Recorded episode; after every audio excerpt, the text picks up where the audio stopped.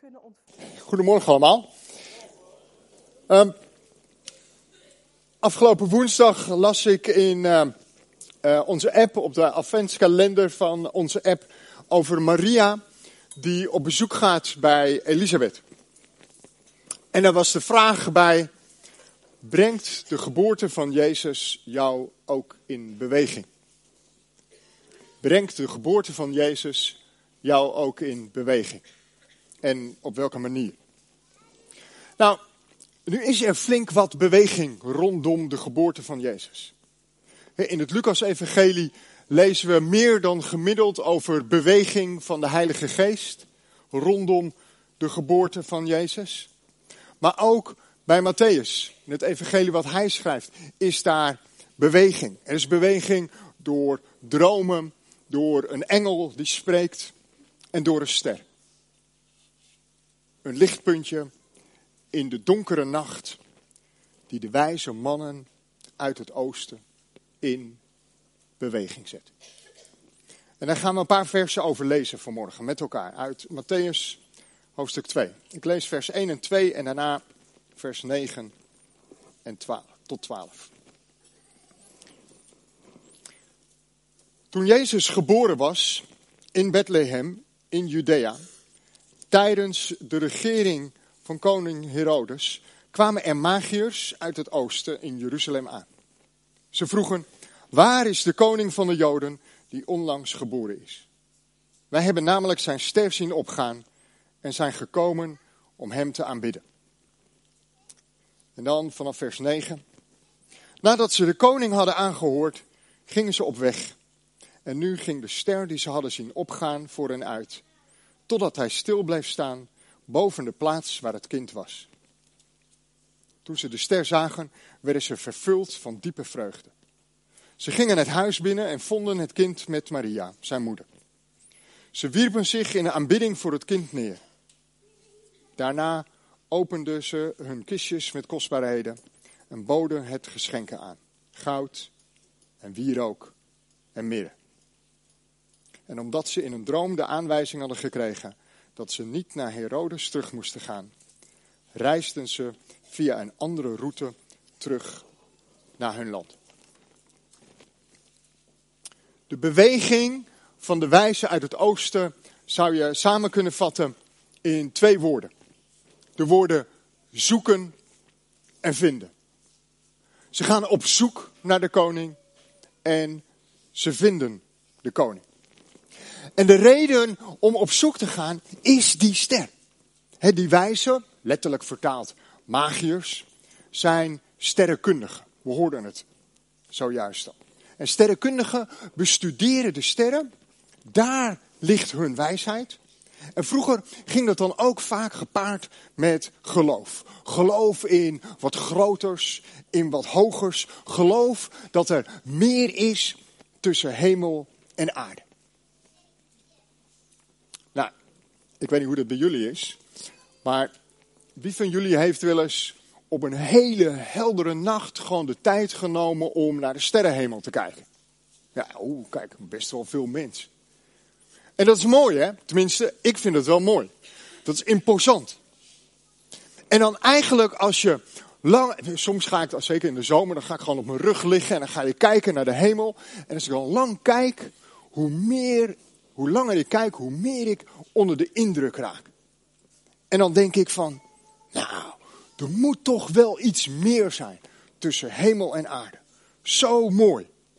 Of, zoals ik afgelopen week las, Iemand die zei, als ik zo'n sterrenhemel zie, dan kan ik dat niet afdoen met, als we doodgaan, dan gaat het licht gewoon uit. Er is meer tussen hemel en aarde.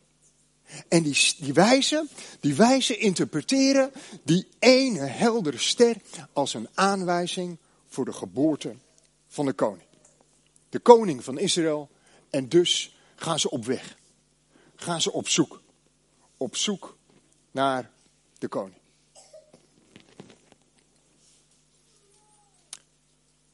Misschien ben je hier vanmorgen. En zit je ook wel in een soort van zoekende fase in je leven. op zoek naar een doel, op zoek naar vervulling, op zoek naar een uitkomst in een bepaalde situatie. Of gewoon wat meer alledaags. Op zoek naar een partner. Op zoek naar werk. Of op zoek naar rust in een hectisch bestaan. Zoeken is goed. Zoeken is niet altijd leuk, maar zoeken is wel goed. Zoeken dwingt je om na te denken. Het dwingt je om stappen te gaan zetten. En die bekende woorden van Jezus zijn niet voor niets. Zoekt en je zult vinden. We gebruiken het zelfs als een soort van spreekwoord. Zoek en je zult vinden. Als je de autosleutels kwijt bent, zoek en je zult vinden. De wijzen komen uit bij de meest voor de hand liggende plek. Namelijk het paleis in Jeruzalem. Bij koning Herodes. En al snel blijkt dat ze daar niet aan het goede adres zijn. Kennelijk is de koning naar wie ze op zoek zijn niet te vinden op de meest voor de hand liggende plek. Misschien betekent deze kerst wel dat als je op zoek bent, dat je ergens anders mag gaan zoeken in je leven. Of dat je op een andere manier mag gaan zoeken in je leven.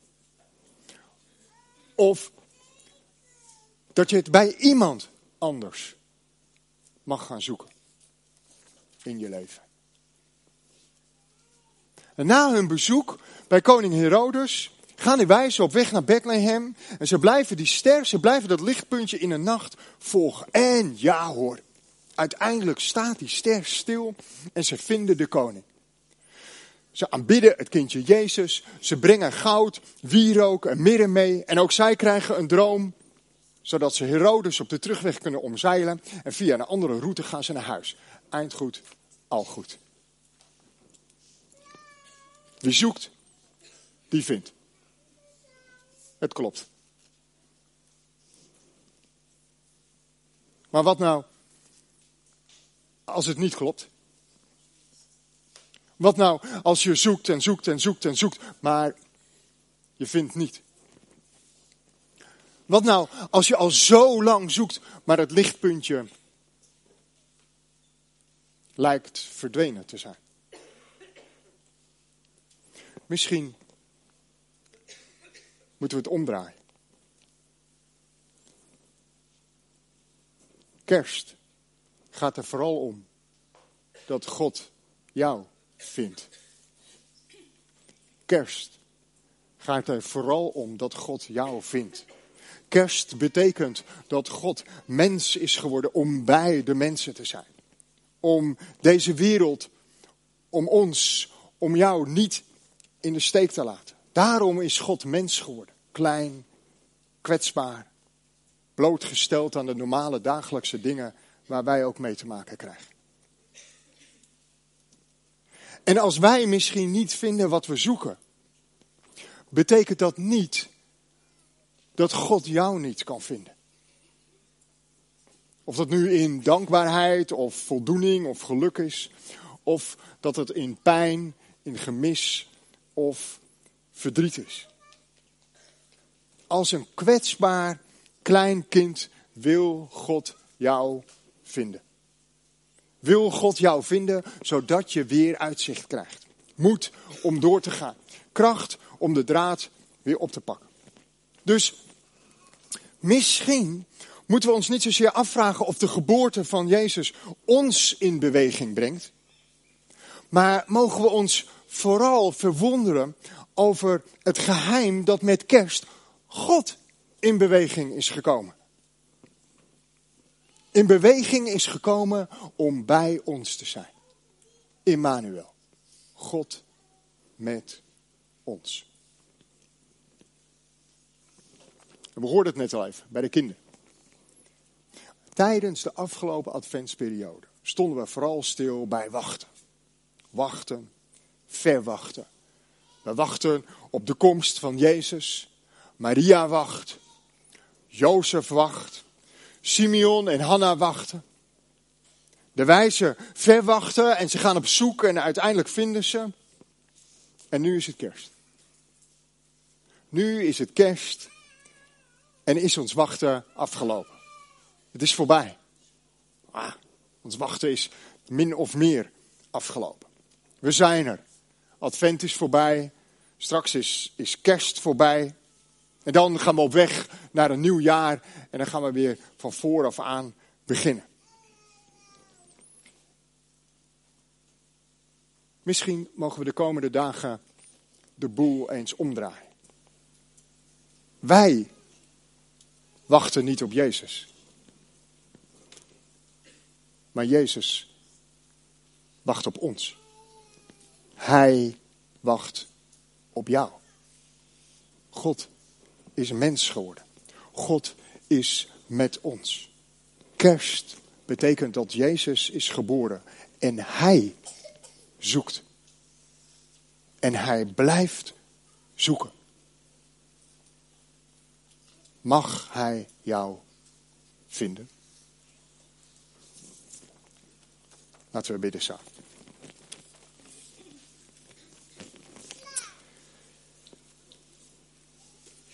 Vader in de hemel, als ik eerlijk ben, dan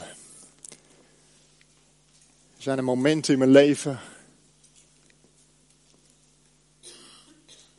dat ik niet wil dat u mij vindt. Er zijn er periodes geweest dat ik niet wil dat u mij vindt. Heer en toch. Toch houdt u vol. Toch bent u naar deze wereld gekomen. Toch is uw liefde zo immens groot. Zo wonderlijk. Zo krachtig. Dat u blijft zoeken. En vader, daar danken we u voor. En we bidden met elkaar en voor elkaar. Dat u ons zeer nabij zult zijn. Deze komende dagen dat we mogen nadenken waar en hoe u ons mag vinden. Heer, zegen ons daarin. In Jezus' naam bidden we dat. Amen.